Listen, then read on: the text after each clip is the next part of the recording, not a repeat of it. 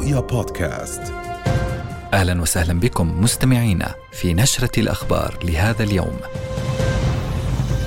الاحتلال يواصل استهداف المجمع الطبي واستشهاد أطفال خدج ومرضى في العناية المركزة في مجمع الشفاء. ليلة دامية خمسة شهداء إثر اشتباكات في جنين والخليل. تواصل القصف المدفعي بين حزب الله والاحتلال الإسرائيلي. وبتوجيهات ملكية سامية مستشفى ميداني أردني يصل إلى نابلس. وفي نشرتنا أيضا وللجمعة السادسة أردنيون يهتفون. أمريكا رأس الإرهاب. أهلا بكم وإلى أبرز التفاصيل. في وقت تواصل فيه قوات الاحتلال الإسرائيلي استهدافها للمستشفيات ومحاصرتها بالدبابات في قطاع غزة. تتصاعد المخاوف من تفاقم الأزمة الإنسانية بفعل شح المواد الطبية والمساعدات الغذائية. لا سيما مع إعلان رئيس مجلس الأمن القومي لدى الاحتلال تساحي هينغبي بأن الحرب ما زالت في بدايتها في تلويح جديد بأن العدوان سيستمر اياما طويلة. ولليوم الثاني والأربعين ما زالت طائرات الاحتلال تكثف قصفها على مناطق متفرقة في شمال وجنوبي القطاع. استهدفت منازل مأهولة في جباليا ومخيم الشابورة وخان يونس.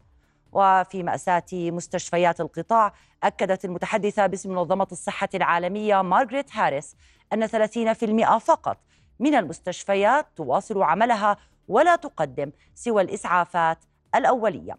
فيما أعلن الهلال الأحمر بأن الدبابات الإسرائيلية تحاصر المستشفى المعمداني في مدينة غزة وتطلق النار بكثافة على كل من يتحرك في محيطه ما يمنع فرق الإسعاف من الخروج لإنقاذ المرضى والمصابين. في المقابل أكدت كتائب القسام أنها نقلت عددا من الأسرى الإسرائيليين إلى مراكز الرعاية لتلقي العلاج بسبب خطورة وضعهم الصحي وحفاظا على حياتهم. ومن قطاع غزة ينضم إلينا مباشرة مراسلنا غازي العالول. أهلا بك غازي. أريد أن أبدأ بالوضع الميداني. ما هو النسق الذي كان عليه المشهد العسكري اليوم؟ نعم تحية لك. لنا بالفعل يزداد هذا النسق اتساعا بالنظر إلى العملية البرية التي يسعى الاحتلال الإسرائيلي من خلالها لتدمير قدرات المقاومة الفلسطينية كما يقول وذلك من خلال الوصول إلى المناطق الشرقية الآن من مدينة غزة. وهذه المناطق التي تعتبر إحدى المناطق الأكثر اكتظاظا والمهوله بالسكان. خلال الأيام الماضية بالفعل قصف عددا كبيرا من منازل المدنيين هناك وأيضا قصف مدرسة الفلاح في حي الزيتون مرتين. المرة الماضية كانت عند الليلة الماضية وأيضا صباح اليوم نتحدث عن أكثر من 120 شهيدا في هذه الغارات التي استهدفت المدرسة التي تضم عددا كبيرا من النازحين. وأيضا كان هناك استهدافات عدة في مناطق متفرقة من شمال القطاع في الشمال ومدينة غزة رصدنا أكثر من 150 شهيدا منذ صباح هذا اليوم فقط.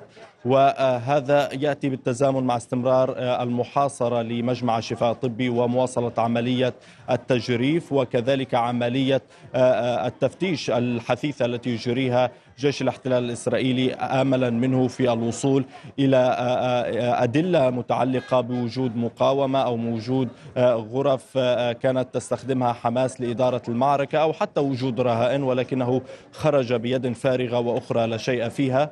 كل ذلك أيضا يتزامن مع وصول هذه القوات قوات الاحتلال الإسرائيلي لمستشفى المعمداني وهو المستشفى الوحيد الذي كان يعمل خلال الأيام الماضية في مدينة غزة بعد توقف الخدمة في كل المستشفيات ومع وصول الآليات العسكرية الإسرائيلية لهذا المستشفى خرجت كل المنظومة الصحية وانهارت تماما في شمال القطاع ومدينة غزة. أيضا هنا في جنوب القطاع رصدنا عددا كبيرا ومستمرا من الاستهدافات سيما هنا في خان يونس خاصة وأن هذه المدينة التي تشهد اكتظاظا كبيرا بالسكان مع استمرار عمليات النزوح من شمال وشمال القطاع وأيضا من مدينة غزة وأيضا من المناطق الشرقية لمدينة خان يونس بعد التهديدات من قبل الاحتلال الإسرائيلي بضرورة النزوح وإخراج المدنيين الفلسطينيين من هذه المناطق باعتبار أن العملية العسكرية ستنتقل إلى الجنوب بعد أن تنهي آه، آه، قوات الاحتلال عمليتها في مدينة غزة وشمال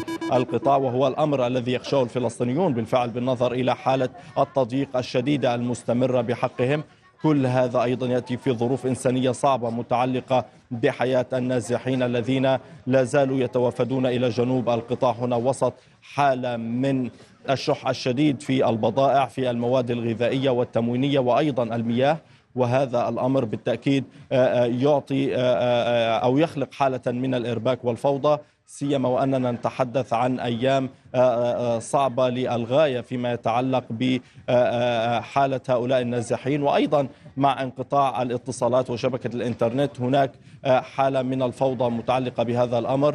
بعض العائلات لا تستطيع الاطمئنان على عوائلها في أو أفراد عائلتها في مناطق أخرى ومحاولة المواطنين في معرفة الأخبار تتركز في الوقوف والاصطفاف حولنا. هنا أمام كاميراتنا لمعرفة آخر الأخبار ونحن أيضا نجد صعوبة حقيقية في معرفة هذه آه، آه، الأخبار ولا نستطيع الوصول إلى المصادر الرسمية وأيضا تعيق هذه الاجراءات من خلال قطع الاتصالات آه، عملية أو عمليات الدفاع المدني والإسعاف هنا في قطاع غزة يستخدمون خططا بديلة الآن. في محاولة معرفة أماكن الاستهداف للتنقل إليها ومحاولة انتشال الجثامين. في المقابل يمكن رصد حالات من إطلاق الرشقات الصاروخية من قبل المقاول المقاومة الفلسطينية. وأيضا في مرتين رشقة صاروخية كانت قد وصلت إلى العمق في لدى الاحتلال الإسرائيلي. وأيضا آه، رشقة أخرى كانت في غلاف آه، غزة. اليومين الماضيين رصدنا عدد كبير من الرشقات الصاروخية التي آه، تحدث عنها الإعلام العبري بأنها الأكثر كثافة منذ أو ما بعد السابع من أكتوبر. وهذا ما يثبت بأن المقاومة الفلسطينية لا زالت قادرة على دك الحشودات العسكرية الإسرائيلية في محيط غزة وأيضا في المدن الكبيرة مع الرغم أو على الرغم من المزاعم من قبل الاحتلال الإسرائيلي بأن هذه العملية العسكرية قوضت قدرات المقاومة ودمرت انفاقا وكذلك منصات للصواريخ ولكن على العكس تماما لا زالت المقاومة الفلسطينية تقف على قدميها جيدا وتواصل التصدي سواء كان ذلك من خلال مواجهة مباشرة من مسافة صفر مع القوات المتوغلة في أكثر من منطقة من قطاع من مدينة غزة وشمال القطاع أو حتى فيما يتعلق بإطلاق الرشقات الصاروخية، بالتالي هذا يؤكد بأن المقاومة الفلسطينية قادرة على الاستمرار والمضي قدما في آه، الدفاع عن آه، آه، عن قطاع غزة وعن المدنيين الفلسطينيين الذين بالفعل ارتفع عدد الشهداء هنا إلى أكثر من 12 ألف شهيدا ولكن على الرغم من هذه التقديرات إلى أن وزارة الصحة لم تستطع حتى هذه اللحظة إحصاء كامل وشامل لكل الشهداء والمصابين بالنظر إلى عدم قدرتهم في الوصول إلى أماكن الاستهداف مع الحصار الذي يفرضه الاحتلال الإسرائيلي على المستشفيات وسيارات الإسعاف. في مدينة غزة وشمال القطاع. نعم غازي بالحديث عن المستشفيات وأريد هنا أن أعود إلى آه، آه، مجمع الشفاء الطبي. هناك غموض عما يحدث من عمليات عسكرية داخل آه، المستشفى. لكن يوم أمس نشر الاحتلال الإسرائيلي ما يدعي أنها غنائم أو دلائل على تورط حماس في مجمع الشفاء. نشر فيديوهات وصور لمتعلقات يقول ويدعي أنها لحماس. كيف ترد حماس على هذه الجزئية على هذه آه، الدلائل التي تروج لسردية الاحتلال؟ لنا إذا آه، يعني آه، كان الاحتلال بارعا فهو بارع في أمرين. الأول هو قتل المدنيين الأبرياء والأمر الثاني هو الكذب. ومن خلال هذا الكذب تبين بأن كل أساليبه مكشوفة و يعني كان من السهل جدا معرفة أن المواد أو المساعدات التي قال بأنه أوصلها إلى مجمع الشفاء الطبي كانت محملة بالأسلحة التي استعرضها في صور وفيديوهات. داخل مستشفى الشفاء. لم يكشف كيف وجدها لم لم يبرهن كيف عثر عليها ولا زال حتى هذا اليوم بعد ثلاثة أيام من الاقتحام والوصول إلى داخل مجمع الشفاء الطبي يحاول التجريف ويحاول التفتيش في كل الأقسام وفي كل الغرف. محاولا العثور على أنفاق ما أو شبكة الأنفاق الكبيرة التي ادعى أنها موجودة. ولكن على الرغم من ذلك حتى اللحظة لم يخرج بدليل ملموس. كان من السهل عليه أن ينشر هذه الأسلحة وأن يصورها وأن يقول بأنها تابعة لحماس. على الرغم من أنه لم يجد أي عنصر من أو مقاوم من حركة حماس داخل المستشفى وكان من المفترض على عناصر حماس الذين يتواجدون داخل المستشفى إذا صدق أن يخرجوا بأسلحتهم ولا يخرجوا أو ينزحوا دون أن يحملوا هذه الأسلحة. بالتالي الكذبة يعني هذه الكذبة واضحة وليست حقيقية أبدا وهو لازال يحاول العثور على حقيقة متعلقة بهذه الادعاءات. ولكن على الرغم من ذلك ما يجري فعليا في مجمع الشفاء الطبي هو محاصرة لأكثر من عشرة آلاف مريض ونازح وكذلك كادر طبي مجموع. هؤلاء هو عشرة ألاف مريض وفق التقديرات يعانون من نقص في المواد التموينية والغذائية وكذلك المياه. لا يعرفون كيف يعني يواجهون هذه الأيام الصعبة وسط مساءلة وتفتيش وتحقيق. وأيضا تعذيب وضرب وفق شهادات وصلت من مجمع الشفاء الطبي وسيما من يعني بعض الكوادر الطبية الموجودة هناك ولا زال الاحتلال يحتجزهم. بالفعل هناك مرضى وهناك أطفال خدج لا يتلقون الرعاية الطبية اللازمة. نتحدث عن خمسين من من المرضى وكذلك الأطفال الذين استشهدوا جراء هذه الإجراءات العنجهية من قبل الاحتلال الإسرائيلي. وسط مطالبات بضرورة إدخال الوقود للمستشفيات وسيما مستشفى الشفاء ومجمع الشفاء الطبي الذي يعتبر هو الأكبر داخل قطاع غزة. الآن الحديث يدور عن إدخال شاحنتين يوميا إلى إلى قطاع غزة وبالتحديد ستصل هذه المساعدات إلى الأونروا والأونروا من خلالها ستحاول الذهاب باتجاه تقديم هذا الوقود للقطاعات الخدماتية المتعلقة بطبيعة الحال البلديات والتي تعمل على تشغيل مضخات المياه والصرف الصحي وأيضا شركة الاتصالات الفلسطينية التي فقدت السيطرة على شبكاتها بالنظر إلى فقدانها وعدم قدرتها على تزويد أقسامها بالوقود. وهو الأمر الذي انقطع على إثره الإنترنت وكذلك شبكات الاتصال. ولكن كل هذا لا يلبي الاحتياج الحقيقي للمستشفيات لقطاع غزة ككل للكوادر الطبية للنازحين ويحاول الاحتلال من خلال هذا هذه الإجراءات البسيطة أن يقول للعالم بأنه يدخل المساعدات إلى قطاع غزة وأنه يسمح بإدخال الوقود إلى قطاع غزة ولكن على الرغم من كل ذلك يواصل في المقابل قتل المدنيين الفلسطينيين من الأطفال والنساء. نعم غازي بالحديث عن الاتصالات والإنترنت التي هي مقطوعة منذ يوم أمس آه، وحتى أنت يعني تواصلنا معك ليس بالأمر الهين. آه، تحدثت عن المنظمات الإنسانية. كيف يؤثر هذا الانقطاع على هذه المنظمات وعملها وتحديدا الأونر والمعنية الآن بتوزيع الوقود؟ آه، كما ذكرت على المستشفيات. لنا مع إعلان آه، آه، بدء العملية العسكرية البرية من قبل جيش الاحتلال الإسرائيلي. آه، أوقفت الأونور وعملياتها الإنسانية والإغاثية في منطقة شمال قطاع غزة وأيضا مدينة غزة بالنظر إلى اعتبارها منطقة أمنية مغلقة وأيضا يعني كلها عبارة عن نقاط حمراء لا يمكن لها التنقل والوصول إلى هذه الأماكن، بالتالي مدارس الإيواء ومراكز الإيواء هناك لم تتلقى أي مساعدات منذ البداية ولم تصلهم أي يعني مواد تموينية أو حتى مياه وهم يعيشون بالفعل ظروف إنسانية صعبة للغاية. تقتصر العمليات بالنسبة للأونور هنا في جنوب القطاع. بالتحديد رفح خان يونس وكذلك بعض المناطق الوسطى. ولا يتلقون المساعدات الكافية لاحتياجهم الحقيقي في ظل هذه الظروف الصعبة. وكانت الأونور قد أعلنت بأن عملياتها ستتوقف في كل قطاع غزة بالنظر إلى نفاذ الوقود. بالتالي آه، آه، الآن مع دخول هذه آه، الشاحنات من الوقود من الممكن أن تعود العمليات الإنسانية للعمل خلال يعني الأيام المقبلة. ولكن بالتأكيد الأمر يتعلق بوقف إطلاق النار وهو ما يتمناه الفلسطينيون هنا على أي حال. هم لا يريدون المساعدات لا يريدون الوقود لا يريدون أي يعني شفقة من العالم فيما يتعلق بهذا الجانب. هم يريدون فقط وقف إطلاق النار وإنهاء هذه الحرب ونزيف الدم المستمر هنا في في قطاع غزة. ولكن فيما يتعلق بالمنظمات الأممية كلها تحذر من مخاطر إنسانية وتحذر من كوارث حقيقية وأوبئة من الممكن أن تصيب الفلسطينيين هنا مع استمرار حالة النزوح وحالة الهجرة القسرية وحالة كذلك عدم توفير الأساسيات اليومية ومقومات الحياة الأساسية.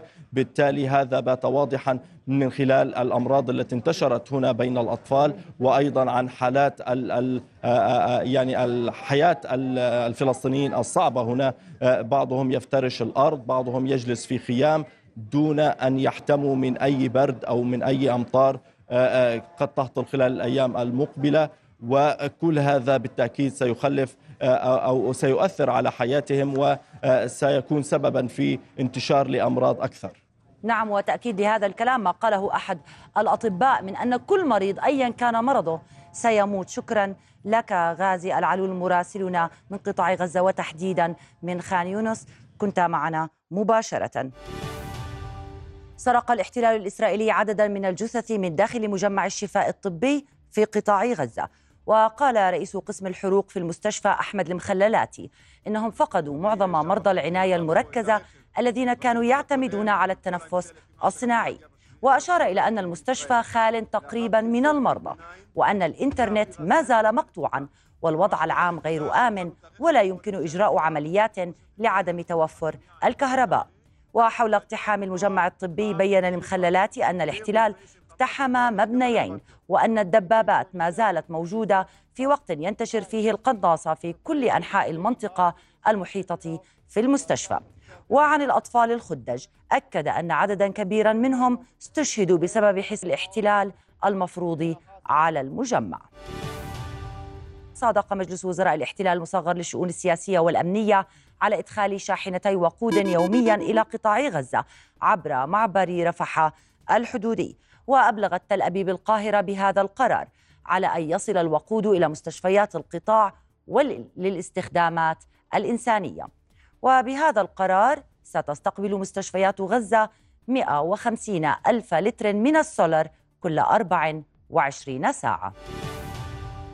وإلى آخر التطورات في الضفة الغربية المحتلة حيث ينضم إلينا مباشرة من نابلس مراسلنا حافظ أبو صبرة. أهلا بك حافظ كيف تقرأ نسق تصاعد العمل النضالي صوب الجنوب وكيف سيؤثر آه، على الأحداث في المرحلة المقبلة؟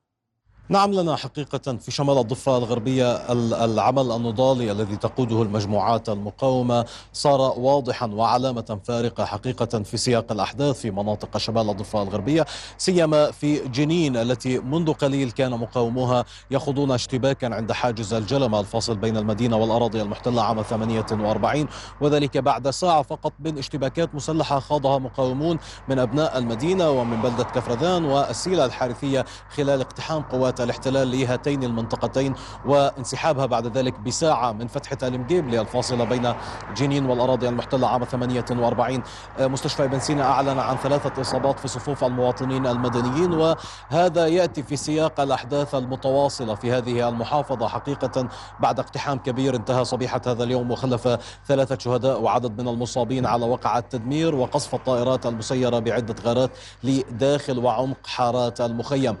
في سياق شمال الضفة الغربية الأحداث متصاعدة بين جنين طول كرم نابلس وطوباس وقلقيلية وهذه المدن الخمسة والمحافظات الخمسة تشكل عماد الحالة النضالية بشكلها الحالي. اتسع السياق صوب الخليل ودوما ما يقال في آه، آآ آه، باللهجة العامية الفلسطينية إن ثارت الخليل فهذا يعني أن الانتفاضة الفلسطينية لربما على الأبواب لأن الخليل آه، تركيز كتائب القسام ونشطاء كتائب القسام خلال الانتفاضتين الأولى والثانية كان كبيرا فيها ومنها خرج عدد كبير من الاستشهاديين الذين نفذوا عمليات فدائية ومجموعات فدائية حقيقة قامت بتنفيذ عمليات أو بما يتعلق باختطاف أسرى مستوطنين وجنود إسرائيليين خلال سنوات سابقة. لذلك صحوة الخليل وهذه العمليات التي سجلت ما بين الساعات الأربع وعشرين الأخيرة سيما عند حاجز النفق ونفذها ثلاثة مقاومون ومنهم عبد القادر قوي الواسمي وهو ابن قائد كتائب القسام في آه، الضفة الغربية إبان سنوات الانتفاضة الثانية وصولا إلى عملية إطلاق النار اليوم التي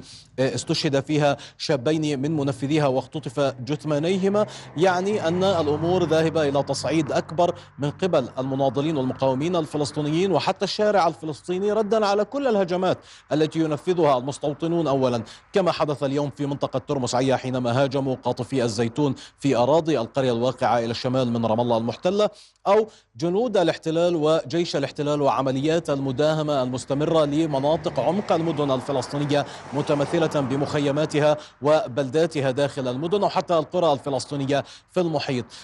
دخول الخليل أو الجنوب الفلسطيني على خط الحالة المقاومة بما يتعلق بعمليات بتنفيذ عمليات إطلاق نار فدائية من خلال خلايا تتبع لكتائب القسام أو حتى لفصائل فلسطينية أخرى يعني اتساع سياق الحالة النضالية الفلسطينية بشكلها الجديد وحدوث عمليتين متلاحقتين في تلك المواقع يعني أن الخليل لربما استيقظت لتقف في وجه هذا العدوان الإسرائيلي المستمر بحق الفلسطينيين في قطاع غزة وبحق الفلسطينيين في مختلف مناطق الضفة الغربية لتشكل خطا متوازيا أو خطا موازيا للحالة التي تسير في مناطق شمال الضفة الغربية. تتسيدها جنين إلى جانب نابلس وطول كرم وطوباس. وأخيرا انضمت قلقيلية بالإضافة لأريحة في سياق متوازن في موضوع مواجهة كل هجمات الاحتلال وعمليات المداهمة وهذا الإجرام بحق الفلسطينيين.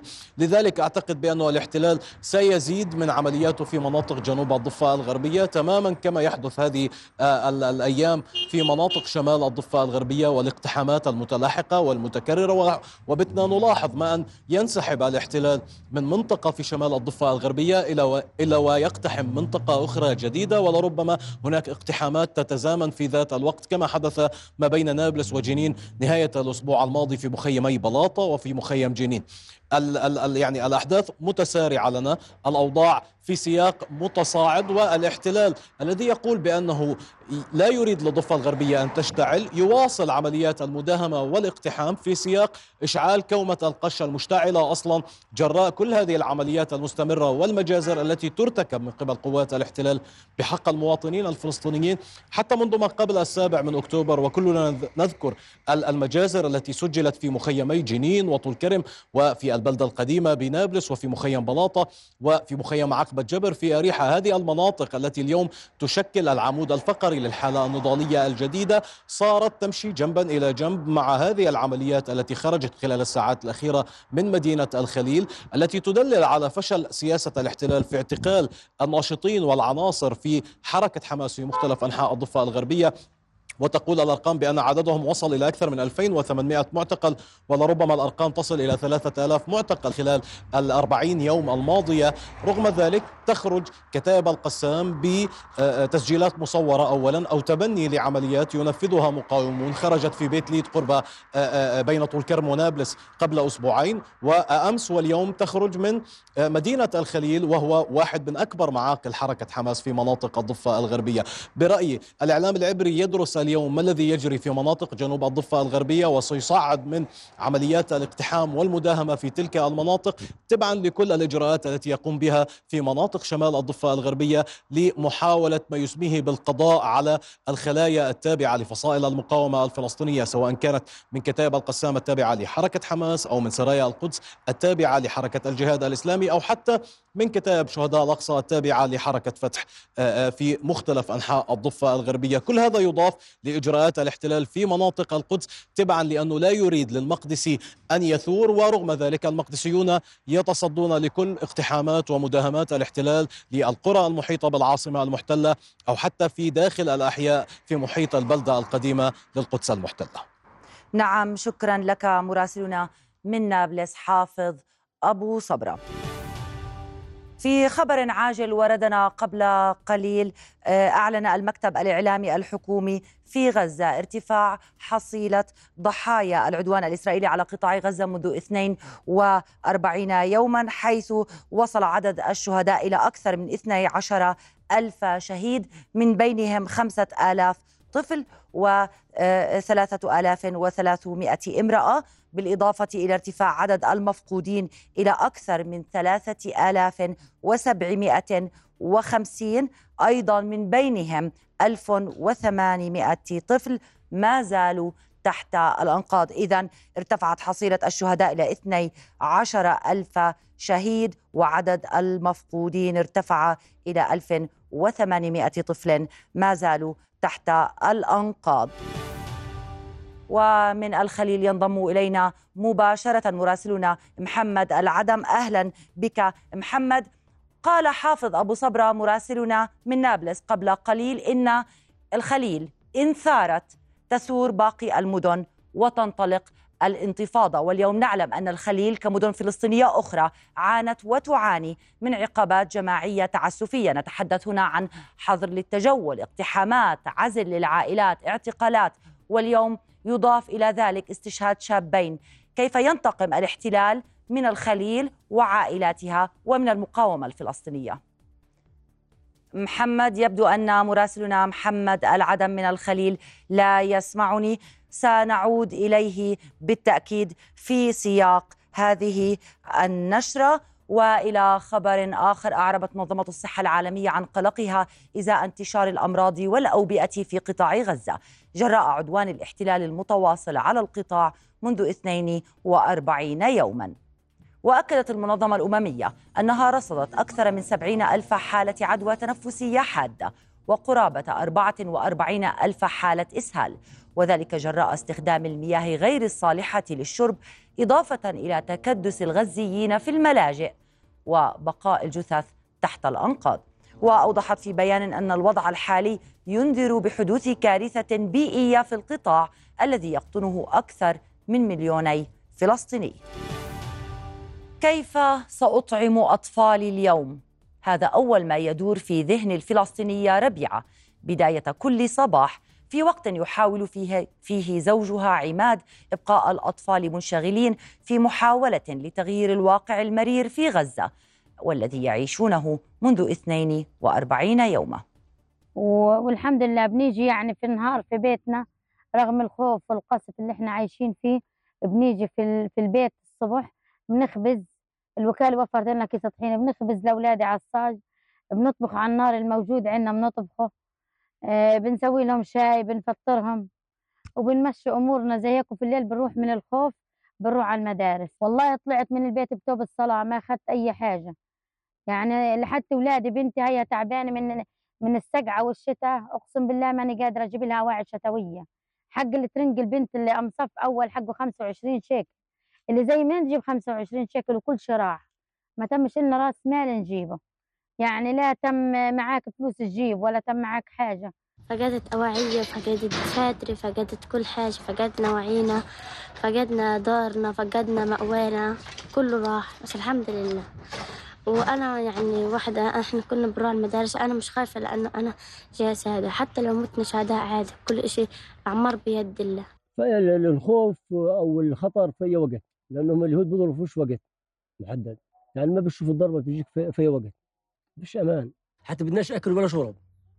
إحنا بدنا بدنا بس نقعد بأمان مع أولادنا من الخوف اللي شفناه. والدمار اللي شفناه إحنا بس بدنا الأمان والأمن بس. ونعود إلى مراسلنا في الخليل محمد العدم. أهلا بك محمد. كما ذكر مراسلنا حافظ أبو صبرة من نابلس قبل قليل قال إن ثارت الخليل تثور باقي المدن الفلسطينية وتنطلق الانتفاضة. الخليل كمدن فلسطينية أخرى تعاني وعانت من عقابات جماعية تعسفية، نتحدث هنا عن حظر للتجول، نتحدث عن اعتقالات، نتحدث عن عزل العائلات واقتحامات وآخرها اليوم استشهاد شابين فلسطينيين، كيف ينتقم الاحتلال من الخليل من عائلاتها ومن المقاومة الفلسطينية؟ آه، نعم آه، عدوان الاحتلال على الخليل هو عدوان جماعي كما باقي محافظات الضفة. يعني نحن الآن نتواجد في منطقة اسمها منطقة الصفا في الشمال الغربي لمحافظة الخليل تبعد حوالي سبع دقائق عن المحافظة. لكن الاحتلال منذ ظهر اليوم أبعد كافة المواطنين وقطع القرى عن بعضها البعض حتى لا, لا نتمكن نحن كمصحفيين من الوصول إلى حلحول. ظهرا كنا في منطقة حلحول وفي راس الجورة مساء أصبحنا في منطقة الصفا. في كل لحظة الاحتلال يشدد من خناقه على محافظة الخليل. في هذه اللحظات هناك تجديد وخنق لكافة مداخل ومراكز مدينة محافظة الخليل. انتشار لعشرات الجنود في مختلف المواقع يستهدفون كل شيء متحرك. محافظة الخليل منذ يوم أمس تعرض لحصار شديد بعد تنفيذ آه، عمليتين. خرج آه، خمسة شبان من المحافظة. العملية الأولى كانت على حاجز النفق يوم أمس والعملية الثانية التي حصلت ظهر اليوم. الاحتلال فور وقوع العملية حصر محافظة الخيل بشكل كامل. تم تقطيعها إلى أجزاء في الشمال والوسط والجنوب وقطع المقطع حتى. يعني هذه اللحظات انتشر الجنود في كافة شوارع المحافظة ويستهدفون كل شيء متحرك. وكل شيء متحرك سواء سيارات أو مواطنين يستهدفونهم بإطلاق الرصاص أو بقنابل الصوت أو بالقنابل الغازية. لو تحدثنا عن الأحداث بشكل عام في المحافظة اليوم وقعت عملية إطلاق نار على حاجز الاحتلالي على المدخل الشمالي أسفرت عن ارتقاء شابين من أبناء هذه المحافظة ليصبح عدد الشهداء خمسة بعد ارتقاء ثلاثة في عملية الأمس. الاحتلال استهدف منازل المنفذين قام باعتقال ذويهم استجوابهم ميدانيا والتحقيق معهم ومن المتوقع أن يقتحم منازلهم في ساعات مساء هذا اليوم. نعم شكرا لك من الخليل مراسلنا محمد العدم. قصفت مدفعية الاحتلال الإسرائيلي موقع ظهيرة في القطاع الغربي من جنوب لبنان في حين سمعت صفارات الإنذار في المستوطنات المحيطة بها. مراسلة رؤيا قالت إن مدفعية الاحتلال استهدفت أيضا أحراج اللبونة جنوبي الناقورة. هذا وقال الناطق العسكري الإسرائيلي إن الطيران الحربي التابع لقوات الاحتلال قصف أهدافا عدة تابعة لحزب الله اللبناني. وأضاف أن قوات الجيش قصفت خلية مسلحة قرب القطاع الغربي للحدود اللبنانية. وفي وقت سابق أعلن حزب الله أنه استهدف تجمعا لجنود الاحتلال بالقرب من مثلث الطيحات وحقق إصابات مباشرة. خلف اقتحام جيش الاحتلال مدينة جنين ومخيمها فجر اليوم تدميرا واسعا في البنية التحتية بعد تجريف عدد من الشوارع بالجرافات العسكرية. كما أحرقت قوات الاحتلال عددا من المركبات بينما كانت المدينة تشهد اشتباكات مسلحة ومواجهات عنيفة أسفرت عن استشهاد ثلاثة فلسطينيين وإصابة أكثر من خمسة عشر شخصا. مع كل عدوان جديد ينفذه الاحتلال في مخيم جنين ومحيط المخيم يتركز عمل جرافاته في اتجاهين. الاتجاه الأول تدمير ما هو مدمر خلال اقتحامات سابقة وكأنها تعمل على تعميق الخنادق التي صارت محيطة بمخيم جنين بدلا من مداخله الرئيسية والفرعية.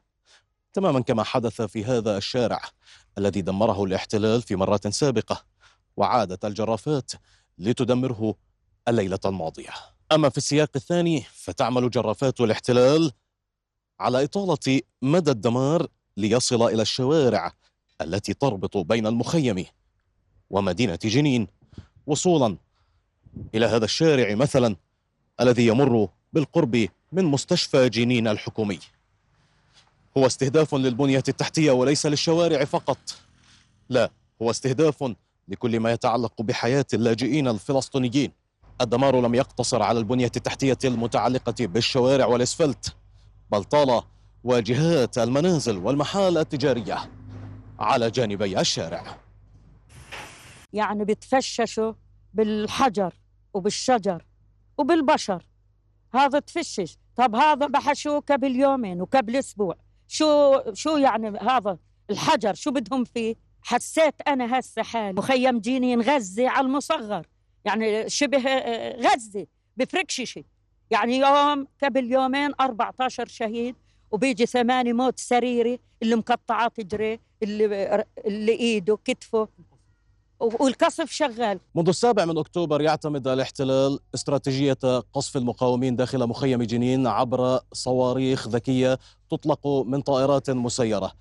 الليلة الماضية قام باغتيال ثلاثة من أفراد كتيبة جنين ومنهم أحد مؤسسي الكتيبة الشهيد بهاء لحلوح عبر صواريخ مسيرة. هذا أثر أحد هذه الصواريخ وهذا آه، يدلل على العدد الكبير العدد الكبير من الإصابات التي وقعت جراء استهداف هذه المنطقة بصواريخ الطائرة المسيرة. هذه صواريخ ذكية آه، لا تحدث أثر تدميري كبير في المنازل والجدران ولكن آه، الإصابات تكون كبيرة لأن شظاياها تصل إلى محيط واسع لربما مدى أكثر من 20 إلى 25 متر وتأثير هذه الشظايا قاتل وهذا ما أدى إلى ارتقاء ثلاثة شهداء وهناك ما يقارب 16 إصابة من بينها إصابات بجروح بليغة.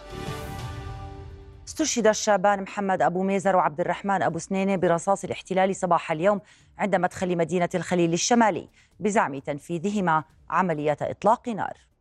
على مدخل الخليل الشمالي. أعلن عن استشهاد الشابين بعد استهداف مركبتهم بوابل كثيف من الرصاص الحي فور وصولها الحاجز. وسائل إعلام إسرائيلية أشارت إلى تنفيذ عملية إطلاق نار صوب الجنود. الهيئة العامة للشؤون المدنية أبلغت وزارة الصحة الفلسطينية باستشهاد محمد كامل أبو ميزر وعبد الرحمن أبو سنينة من مدينة الخليل. جنود الاحتلال نقلوا جثامين الشهداء في مركبة عسكرية إلى جهة غير معلومة بعد استدعاء ذويهم للتأكد منهم فيما صادروا المركبة التي كانوا يستقلونها. فور وقوع العملية انتشر العشرات من الجنود على مداخل الخليل وقاموا بإغلاق كافة الطرق الرئيسية والفرعية ومنعوا المواطنين من التنقل. وأطلقوا الرصاص صوب المركبات التي كانت تسير في الشارع. قبل أن يقوموا بتوقيف وتفتيش عدد من الشبان خلال مرورهم في أحد شوارع المدينة. بعد صلاة الجمعة خرج عدد من المواطنين في مسيرة غاضبة. انطلقت من مسجد الحسين وسط المدينة باتجاه نقاط التماس. جنود الاحتلال عاجلوهم بإطلاق الرصاص ووابل من قنابل الغاز مما أدى إلى إصابة العشرات بحالات اختناق. خطوات تصعيدية اتخذها الأردن أمام عدوان الاحتلال الإسرائيلي على قطاع غزة. آخرها إعلان عمان يوم أمس أن لا اتفاقية لتبادل الطاقة. على وقع حرب تشتد ضراوة في غزة تتدحرج حدة التوتر بين الأردن والاحتلال الإسرائيلي في مواجهة باتت علنية وسجالات دبلوماسية شبه يومية مع تمسك المملكة بموقفها واستخدامها كل أدوات الضغط لوقف العدوان وحماية المدنيين ومنع تهجيرهم. بعض دوائر الاحتلال بالقول والتأشير بأنه خطاب تحريضي خطابنا القيمي والقانوني والأخلاقي هو الخطاب التحريضي. آه، أم الخطاب الذي يهدد بالنووي وبالأمس الخطاب الذي آه، يستخدم آه، لغويات مدانه ومرفوضة وشائنة تتحدث عن تهجير طوعي إلى مختلف أنحاء العالم. هذا هو الخطاب التحريضي وليس خطابنا وليس مواقفنا المبدئية المرتكزة إلى المبدأ والعقيدة والقانون والحق. والحق أبلج قبل هذا وذاك بسياده الرئيس. بعد أقل من 24 ساعة على قصف الاحتلال محيط المستشفى الميداني الأردني وإصابة سبعة من كوادره قررت عمان أن لا كهرباء مقابل ماء في تراجع عن استعدادها المعلن في إكسبو دبي عام 2021 بعد سلسلة مفاوضات لتبادل الطاقة كان من المقرر الاتفاق على شكلها النهائي وإبرامها الشهر الماضي. الناطق باسم الحكومة عد استهداف المستشفى الميداني بعد تلقيه مساعدات بمظلات مرتين متتاليتين غضبا اسرائيليا من صلابة الموقف الأردني وجهده الدبلوماسي الذي أفضى إلى اعتماد الجمعية العامة للأمم المتحدة مشروع قراره الداعي لوقف العدوان وإيصال المساعدات بعد حصوله على تأييد 120 دولة. وفي جهد موازن. أرسل الأردن بالأمس مستشفى ميدانيا إلى مدينة نابلس بالضفة الغربية رافعا بذلك عدد مرافقه الطبية داخل الأراضي الفلسطينية إلى أربعة. مطلع نوفمبر الحالي جمدت المملكة العلاقات مع الاحتلال الإسرائيلي باستدعاء سفيرها لدى تل أبيب وإبلاغها برفض عودة سفيرها إلى عمان التي غادرها سابقا في خطوة هي الأولى عربيا بعد تجاهل الاحتلال لمطالب وقف الحرب وانتهاكه الفاضح للقانون الدولي الإنساني. على رف يغطيها الغبار. هكذا وصف وزير الخارجية مستقبل معاهدة السلام الأردنية الإسرائيلية بعد نحو ثلاثين عاما على توقيعها. سبقه تأكيد رئيس الوزراء بنبرة حاسمة على أن موقف المملكة متدرج وكل الخيارات على الطاولة. 42 يوما والمحتل ماض في وحشيته الانتقامية ضد غزة وأهلها. وضد كل فلسطيني وما هو فلسطيني. وأمام شلال الدم الفلسطيني المتواصل على أعين العالم وما يرافقه من عطش وتجويع وقتل في أبشع صور حرب الإبادة الجماعية. بدا العالم يتخذ انعطاف ولو خجوله في مواقفه إزاء ما يحدث في غزة. في وقت تواصل فيه تل أبيب محاولة الخروج بسردية تلو الأخرى لتبرر الهجوم الانتقامي على قطاع غزة. ينضم إلينا من استديوهاتنا في مدينة رام الله أستاذ العلوم السياسية الدكتور عمر رحال أهلا بك دكتور عمر أبدأ من حيث انتهيت حول السردية الصهيونية وآخرها ما نشره يوم أمس الاحتلال من صور وفيديوهات لما تروج له تل أبيب على أنه أدلة تدين حماس من مجمع الشفاء الطبي. هل ترى أن بحث تل أبيب عن صورة للنصر ما زالت مقنعة اليوم للشارع آه، الإسرائيلي وللرأي العام العالمي؟ يعني آه، كاتب سيناريو فاشل وممثلين فاشلين ومخرج أيضا فاشل. مسرحية هزيلة لا تقنع طفلا. يعني آه، نعي تماما بأنه لو كان هناك بين هلالين جسم مشبوه وحتى في المطارات عندما يكون هناك أحد الأشخاص آه، يعني آه، ترك حقيبة أو ما شكل ذلك أو كان هناك يعني حقيبة أو جسم مشبوه في إحدى الشوارع. ألف باء في العلوم الأمنية والعسكرية أن يأتي خبير المتفجرات وأن يقوم عن بعد لتحليلها ولتفجير آه، هذا يعني الجسم. وكثيرا ما كان يكون هناك كيس فاضي. فهذه المسرحية بأنه جاء هذا الجندي الجهبذ وهذا الضابط وفتح الحقيبة بكل هذه الأريحية وبهذه الثقة ويعني يشرح للعالم بلغة إنجليزية يعني والله تفاجأنا من جسارة الجندي عندما يعني قام بذلك. طبعا يعني نتنياهو يبحث عن نصر ما.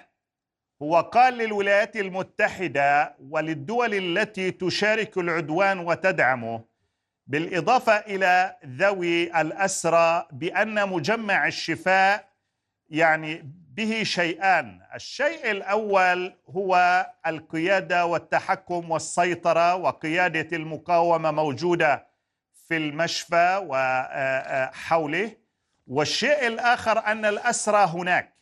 وبالتالي هو طلب من العالم لا سيما من الولايات المتحدة الأمريكية أن يكون هناك مزيدا من الوقت للوصول إلى الهدف وإلى الصيد الثمين. ولكن نتنياهو يعني كذب مرتين على الأقل. المرة الأولى عندما قال للعالم بأن هناك جثث أطفال مقطوعة الرأس وتبنت بعض الدول وبعض وسائل الإعلام الكبيرة هذه الرواية والاسطوانه المشروخة بما فيهم الرئيس الأمريكي جو بايدن ومن ثم تراجعت الولايات المتحدة عن ذلك. وقال لهم أيضا أن يعني الشفاء يحتوي على ما ذكرت. هذه هزيمة جديدة أخرى هزيمة يعني أمنية وعسكرية ويعني استخباراتية وأخلاقية وهزيمة مدوية بالنسبة لنتنياهو بأنه لم يجد شيئا يقنع به ذوي الأسرى على أقل تقدير.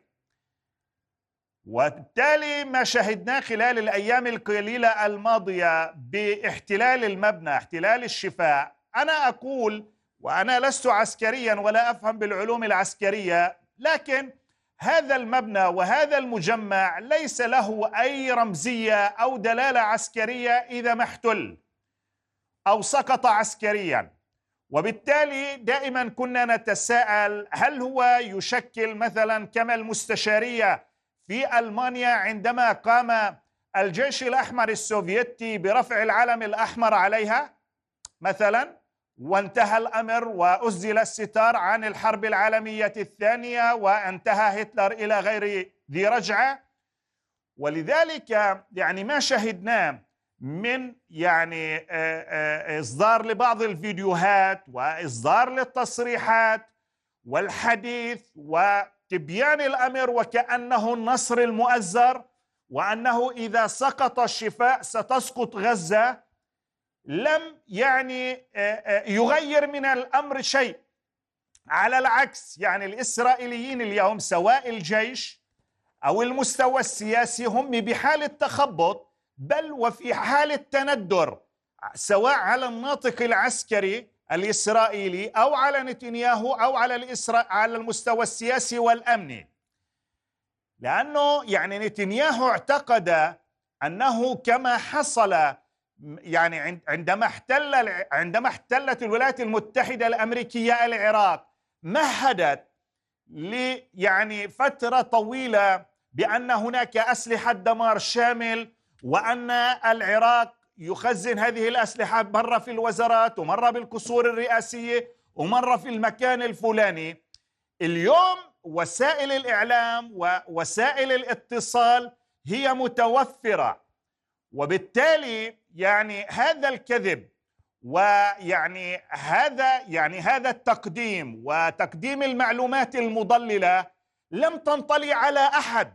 يعني قصدي أقول إنه بطلت الناس وبطل العالم يصدق ما يقول لا نتنياهو ولا حلفاؤه لأنه في السابق كان هناك أحداث مشابهة وأثبت يعني أثبتت الوقائع العكس. لذلك اليوم هم يبحثون عن صورة ويبحثون عن آه، كلاتشنكوف ويعني مثلا رفعوا لابتوب. إيش يعني لابتوب؟ يعني يعني هي الشنطة اللي بتكون فيها الشفرة النووية اللي بتكون مع الرئيس الأمريكي. شو يعني بيعني إنه يكون في هناك لابتوب؟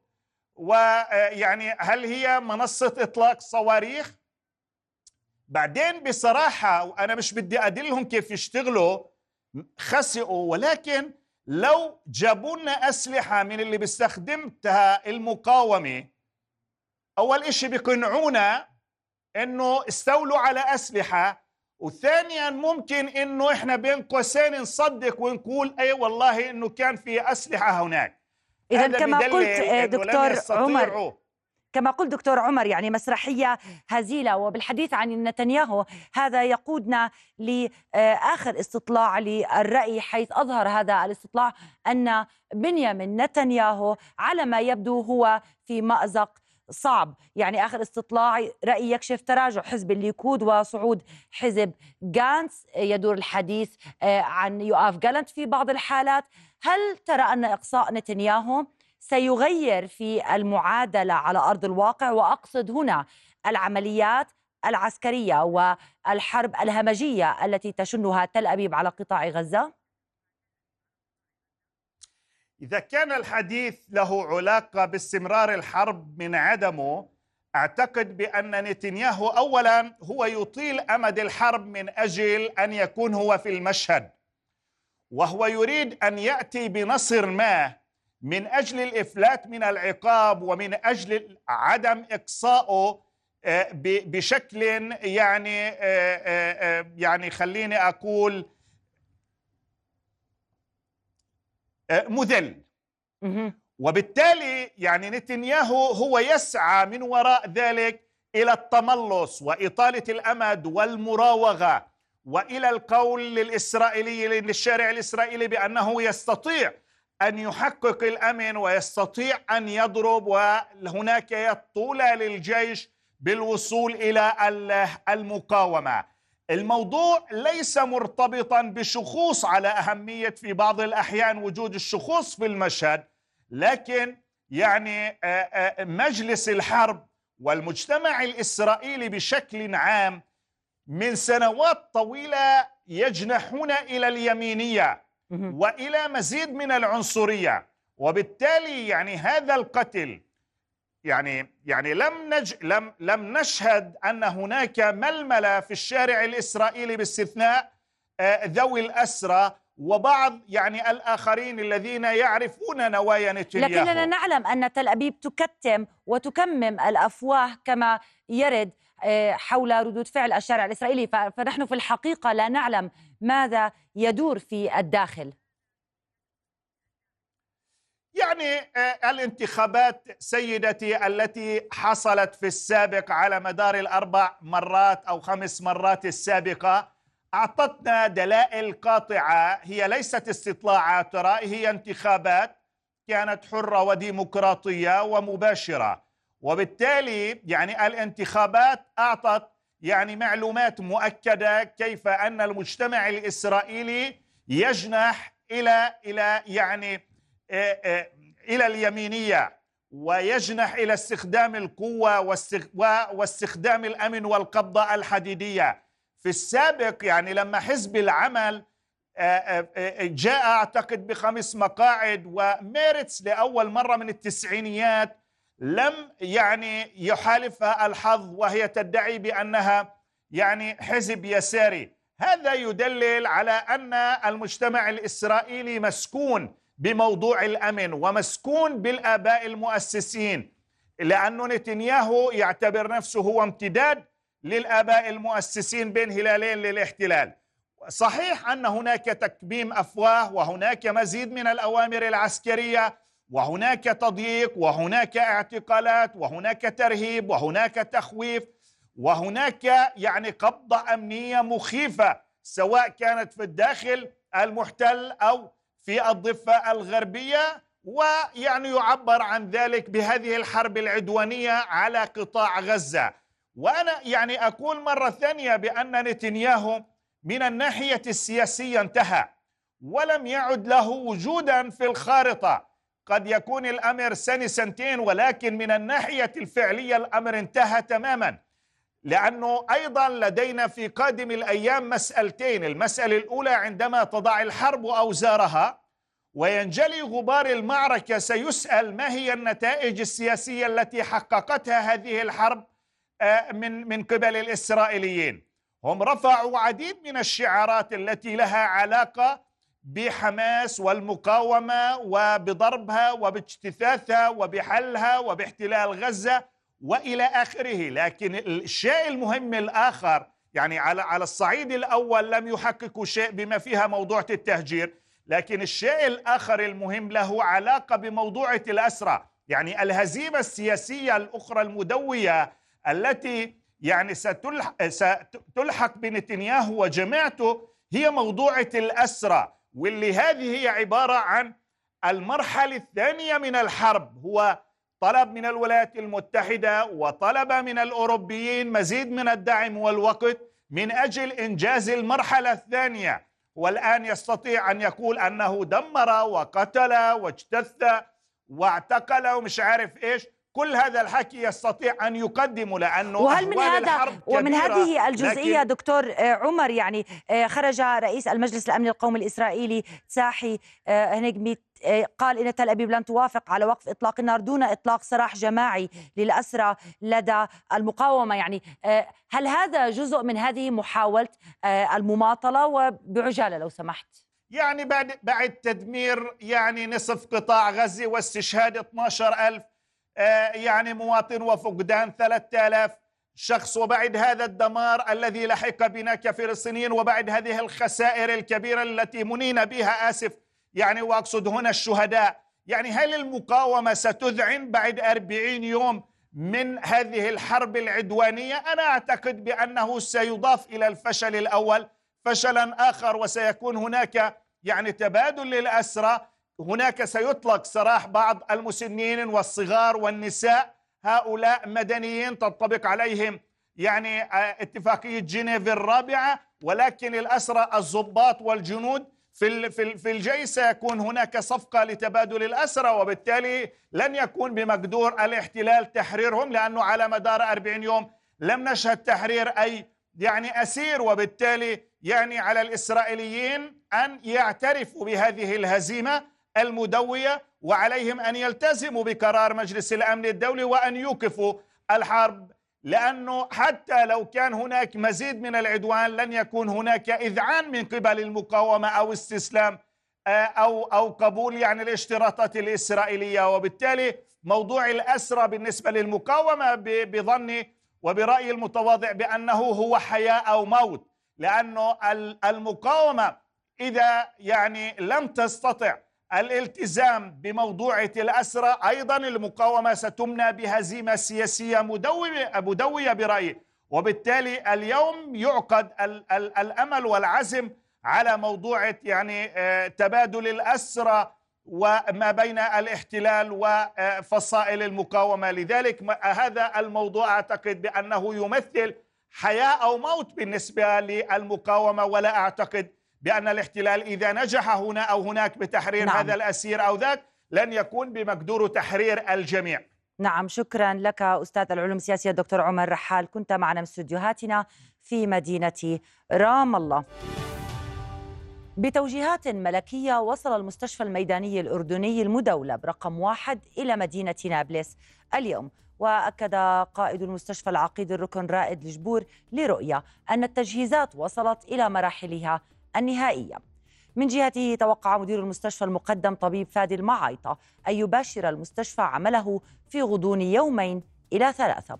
وأضاف المعايطة لرؤية أن الكادر الطبي مكون من 18 طبيبا وأخصائيا إضافة إلى الكوادر التمريضية والهندسية. وصلنا في ليلة الأمس إلى هذا الموقع ونحن الآن آه، في المراحل النهائية من تجهيز المستشفى وفي أقرب وقت إن شاء الله سوف نكون قادرين على تقديم يد العون لأخوانا وأشقائنا في آه، فلسطين الحبيبة وفي مدينة نابلس بالتحديد. هذا المستشفى يتكون من سبع محطات يتكون من عمليات غرف عمليات. يعني إحنا هذا المستشفى لو بدنا نشوفه بآليته هو إنك أنت بس من أول محطة أو من أول كرفان يتم تكوينه هناك أبواب تفتح على بعضها فيتم تكوينه بكامل كمستشفى متكامل. نبدأ من القاطرة المقطوره الأولى تتكون من آه، مختبرات قسم للأشعة تليها غرف للأسنان آه، غرف للتعقيم تليها هون غرف العمليات الأولى مع قسم الاي سي يو غرف العمليات الثانية مع قسم الاي سي يو وعنابر المرضى أو أقسام المرضى بتتكون من 15 سرير بالإضافة إلى المرافق الصحية. سوف يتم إنشاء طبعا هذا مستشفى ميداني ليس كل الإمكانيات الموجودة يمكن نشره سوف يتم إنشاء خيم لاستقبال المرضى بالإضافة لانشاء غرفة طوارئ وإنشاء آه، غرف عيادات لاستقبال المرضى على هذا وسوف يتم تطويره إن شاء الله مع مرور الزمن. لسه نحن في مرحلة التأسيس. ومع استمرار العدوان الإسرائيلي الوحشي على قطاع غزة منذ السابع من تشرين الأول الماضي وفي ظل انحياز أو صمت دولي عن مجازر الاحتلال المتكررة انتظمت للجمعي للجمعة السادسة. وقفات ومسيرات جابت شوارع العاصمة عمان وعدة محافظات تأييدا لفلسطين ومقاومتها وتضامنا مع القطاع المحاصر.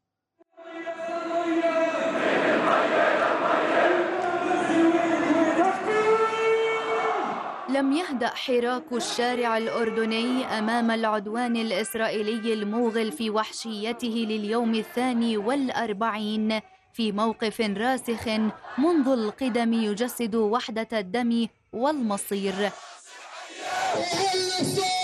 وبأصواتهم الهادرة وهتافاتهم الغاضبة احتشد آلاف الأردنيون في العاصمة ومختلف المحافظات للمشاركة في مسيرات ووقفات دعما وإسنادا للمقاومة وتنديدا بجرائم الحرب والإبادة التي ارتكبها وما زال الكيان الصهيوني بحق أهلنا في القطاع المحاصر.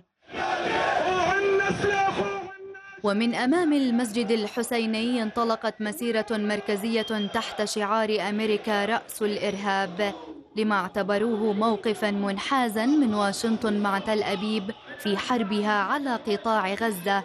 إحنا اليوم جينا وأقل شيء ممكن نقدمه لأهلنا في غزة. الناس هناك عم بتموت بتقدم أرواحها بتقدم بيوتها بت يعني بتقاوم بكل ما أوتيت بلقمة العيش بالمي بالحجر.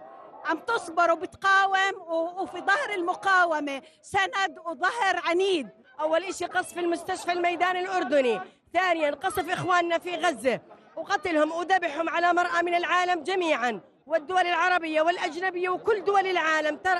على مرأى منهم وهذا شيء لا يرضي الله عز وجل ولا يرضي العالم ولا يرضي حقوق الإنسان الذي يتغنون فيها فنحن أتينا إلى هذا المكان حتى نعبر عن موقفنا الأردني الصارم كما شهدت محافظات الكرك والعقبة ومعان والطفيلة فعاليات لذات الهدف منددة بالعدوان الإسرائيلي على غزة لتتعالى الهتافات المنادية بمواقف عاجلة لردع جرائم الكيان ووقف إراقة الدماء وحشد كافة الجهود لمد يد العون لأبنائه. نعم مستمرين بالوقفات.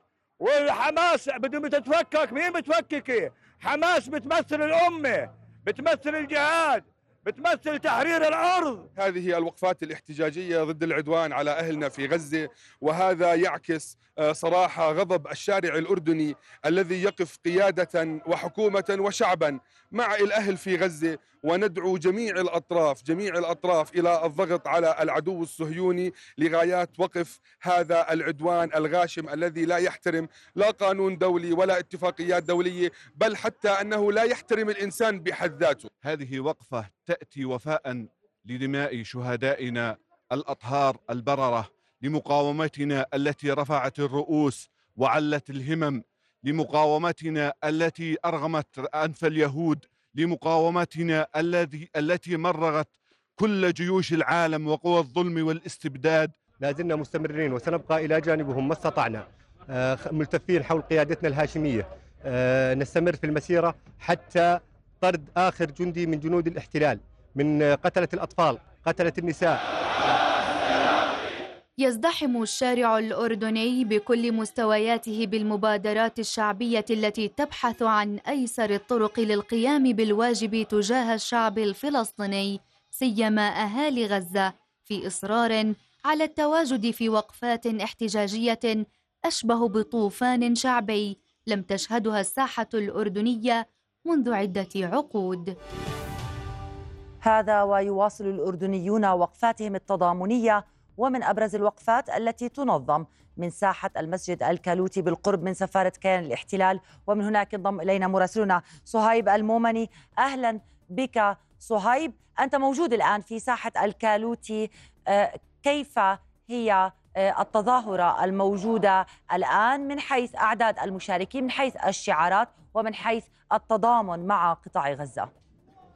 نعم يعني نتواجد في ساحة المسجد هذه التي طالما اعتاد يعني المحتجون وأيضا أصحاب الوقفات بأن يتجمعوا بها من فعاليات شعبية وحزبية طبعا منددين بكل جرائم الاحتلال وكل ما يقوم به من جرائم بحق الأطفال وأيضا من قصف للمستشفيات إضافة آه، إلى العديد من الجرائم الأخرى من قطع للكهرباء والمياه. إضافة إلى قطع آه، أيضا المساعدات عن قطاع غزة. إذا ما تحدثنا اليوم عن هذه الوقفة التي كان من أبرزها أنها كانت لمدة نصف ساعة في بدايتها صامتة آه، دون أي آه، حديث وكلام رفع بها المحتجون هنا أيديهم التي لونوها باللون الأحمر الذي يدل على الدماء ورفعوا بعض المجسمات لأكفان أطفال ليوصلوا هذه الرسالة التي لطالما اجتمعوا عليها هنا وعلى هذا الصوت الواحد المناصرين لغزة. إذا ما تحدثنا إلى غاية هذه اللحظة هناك العشرات من المواطنين آه، الهتافات لا تزال مستمرة. آه، جميعهم منددين ومطالبين بوقف العدوان الفوري على قطاع غزة. أيضا منددين بالعدوان الأخير الذي كان على الطاقم الطبي الأردني في المستشفى الأردني مؤكدين على دور الأردن البارز في هذه القضية وتحديدا بعد التوجيهات الملكية الأخيرة بإنشاء مستشفى جديد ميداني في مدينة نابلس. إذا ما تحدثنا عن الأعداد يعني كما آه، أسلفت سابقا هناك العشرات ولا زالت الأعداد تتوافد إلى هذه الساحة تحديدا ساحة مسجد الكالوتي التي اعتاد الناس على الوقوف بها تحديدا منذ بداية العدوان على غزة. على غرار هذه الوقفة كان هناك يعني منذ آه، بعد صلاة الجمعة اليوم العديد من المسيرات في عدد من محافظات المملكة وكان من أبرزها أيضا هنا في العاصمة عمان المسيرة المليونية التي كانت تجوب يجوب بها الآلاف آه، شوارع وسط مدينة عمان. مؤكدين أن الموقف الأردني هو موقف صامت جنب الأشقاء الفلسطينيين مؤكدين أن هذه القضية هي قضية واحدة وأن هذه الأرض أرض واحدة وأن الهواء والدماء هي جميعها مشتركة بينهم. يعني كما تشاهدين هذه بعض اليافطات والصور التي تحمل أكفان أطفال كما يتحدثون المعتصمين هنا منددين بها جميع الجرائم التي يقوم بها الاحتلال والذي يعني لا يتوقف عن قتل الأطفال والنساء وقصف المستشفيات ومنع الإغاثة من الوصول إلى الشعب الفلسطيني. شعارات عديدة ولكن أبرزها هو لماذا كان هناك صمت عربي وكانت هذه الوقفة أحد عناوينها. آه، في بدايتها كانت هناك نصف ساعة وقفة صامتة.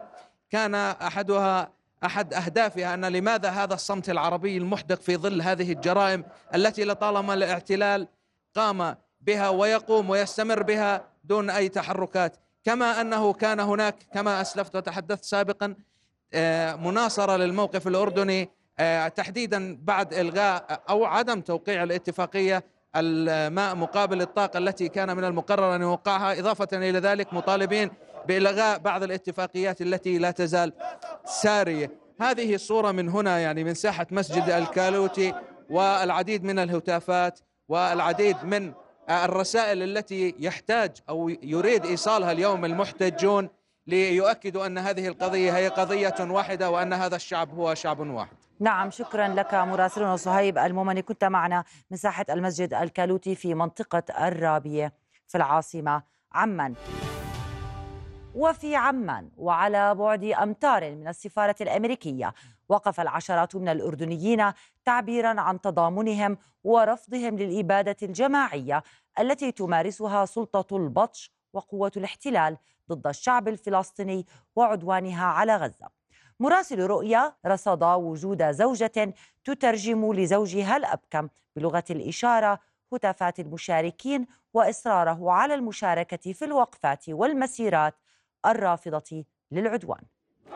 اسمي هبة جمجوم جيت مع زوجي آه، مع أهلنا في غزة. زوجي مأمون عادي من ذوي الاعاقه السمعيه وبترجم له أنا إيش عم بيصير آه، حتى يكون بالصورة مع تضامنه مع أهلنا في غزة. برغم ان زوجي من ذوي الاعاقه السمعيه بس إحنا بنحب نوصل رسالة لاخوتنا في غزة في فلسطين انه إحنا متضامنين معهم بكل لغات العالم سواء في لغة كلامية أو لغة إشارة فإحنا معاهم متضامنين معاهم.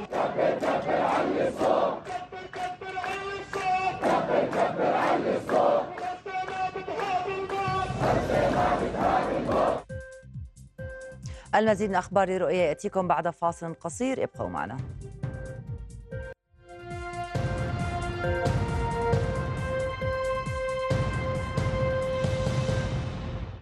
أهلا بكم. تستخدم المجاعة كسلاح في الحرب على قطاع غزة. هذا ما أكدته منظمة أوكسفام للعمل الإغاثي فجر هذا اليوم. وأفادت المنظمة في بيان لها أن مليون شخص نزحوا إلى جنوب غزة دون كهرباء ولا ماء وبقليل من الطعام وهذا عقاب جماعي.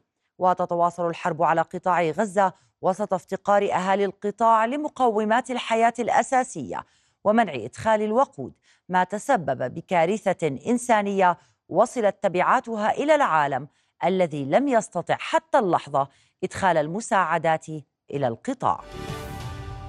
قال برنامج الأغذية العالمي في فلسطين إن جميع سكان غزة بحاجة إلى المساعدة الإنسانية محذرا من خطر ظهور الأمراض وانتشارها في القطاع في ظل عدم قدرة المواطنين على الحصول على الطعام المغذي والمياه النظيفة ومرافق الصرف الصحي. المتحدثة باسم برنامج الأغذية العالمي في فلسطين عليا زكي حذرت من انهيار الأنظمة الغذائية في القطاع وبخاصة أن المواد الغذائية في المتاجر على وشك النفاد ويتم بيع القليل المتبقي بأسعار مرتفعة وبشكل متزايد بينما أغلقت المخابز أبوابها. وقالت إن المواطنين في غزة سيكونون أكثر عرضة لانتشار الأمراض على نطاق أوسع نظرا لأنهم لا يتناولون ما يكفي من الطعام ومن التغذية. هذا وتعرضت آخر مطحنة عاملة في قطاع غزة للقصف والتدمير بحسب ما أفاد به تقرير صدر عن الشؤون الإنسانية في الأمم المتحدة أوتشا. وأكد التقرير أنه بتدمير مطحنة السلام في دير البلح لن يكون الدقيق المنتج محليا متاحا في غزة في المستقبل المنظور. ويعاني الفلسطينيون في القطاع من نقص الطحين وإغلاق المخابز في ظل نقص الوقود وشح مصادر المياه ولجأوا إلى الحطب والأوراق لإشعال النيران بهدف تجهيز الطعام بالإضافة إلى تصنيع أفران من الطحين لتحضير الخبز. اذا لا ماء ولا خبز ولا وقود ولا شيء سوى المعاناة والقهر، هذا ما يعيشه النازحون من أهالي قطاع غزة، المزيد في هذا التقرير. يختزل مشهد الخيام هذا بعضا من معاناة الغزي المهجر من دياره. فهنا لا ماء يصلح للشرب والخبز لا يجده الأطفال الذين أصابتهم الأمراض المعدية في ظل نقص وسائل النظافة اليومية. ظروف لم يستطع الغزي التأقلم معها بعد أربعين يوما من الحرب. يعني بنقف دور بيقعد ساعتين وثلاثة لما نخش الحمام. لما نروح نعبي مية برضك نفس الشيء كذلك. بنقعد ثلاث ساعات لما نيجي نعبي مية. لما نروح بس نجيب أكل ولا حاجة ولا نجيب خبز برضه بنقعد نهار كامل 24 ساعة لما نجيب إيش رغيف الخبز. يعني والمية المية مالحة. لما نروح نجيب المية هذا بدها تقعد برضه نفس الشيء كذلك خمس ساعات وثلاث ساعات لما نعبي مية. نشتريها شرية. المية صرنا نشتريها شرية. الطابون أو فرن الطين يعتبر تراثا فلسطينيا. عاد الفلسطيني المهجر لاستخدامه مجددا بعد نفاذ الوقود وغاز الطهي. فيش غاز إنك تعمل مثلا بديل عنه؟ آه، كل حاجة مقطوعين منها فصرنا ندور أي شيء بولع أي حاجة أي حاجة إنه نمشي فيها. من الزبالة والله الله يعزك حتى دورنا في الزبالة عشان كراتين آه، كاسات القهوة اللي بيشربوها الناس هيك صرنا نستخدمها كوقود يعني. هذا الفرن البدائي بات وسيلة للتدفئة كذلك. في وقت يواصل الاحتلال مسلسل التهجير القسري ومحاربة الغزي بكل الوسائل. غاز العلول رؤية قطاع غزة. بهذا نكون قد وصلنا لنهاية نشرتنا الإخبارية.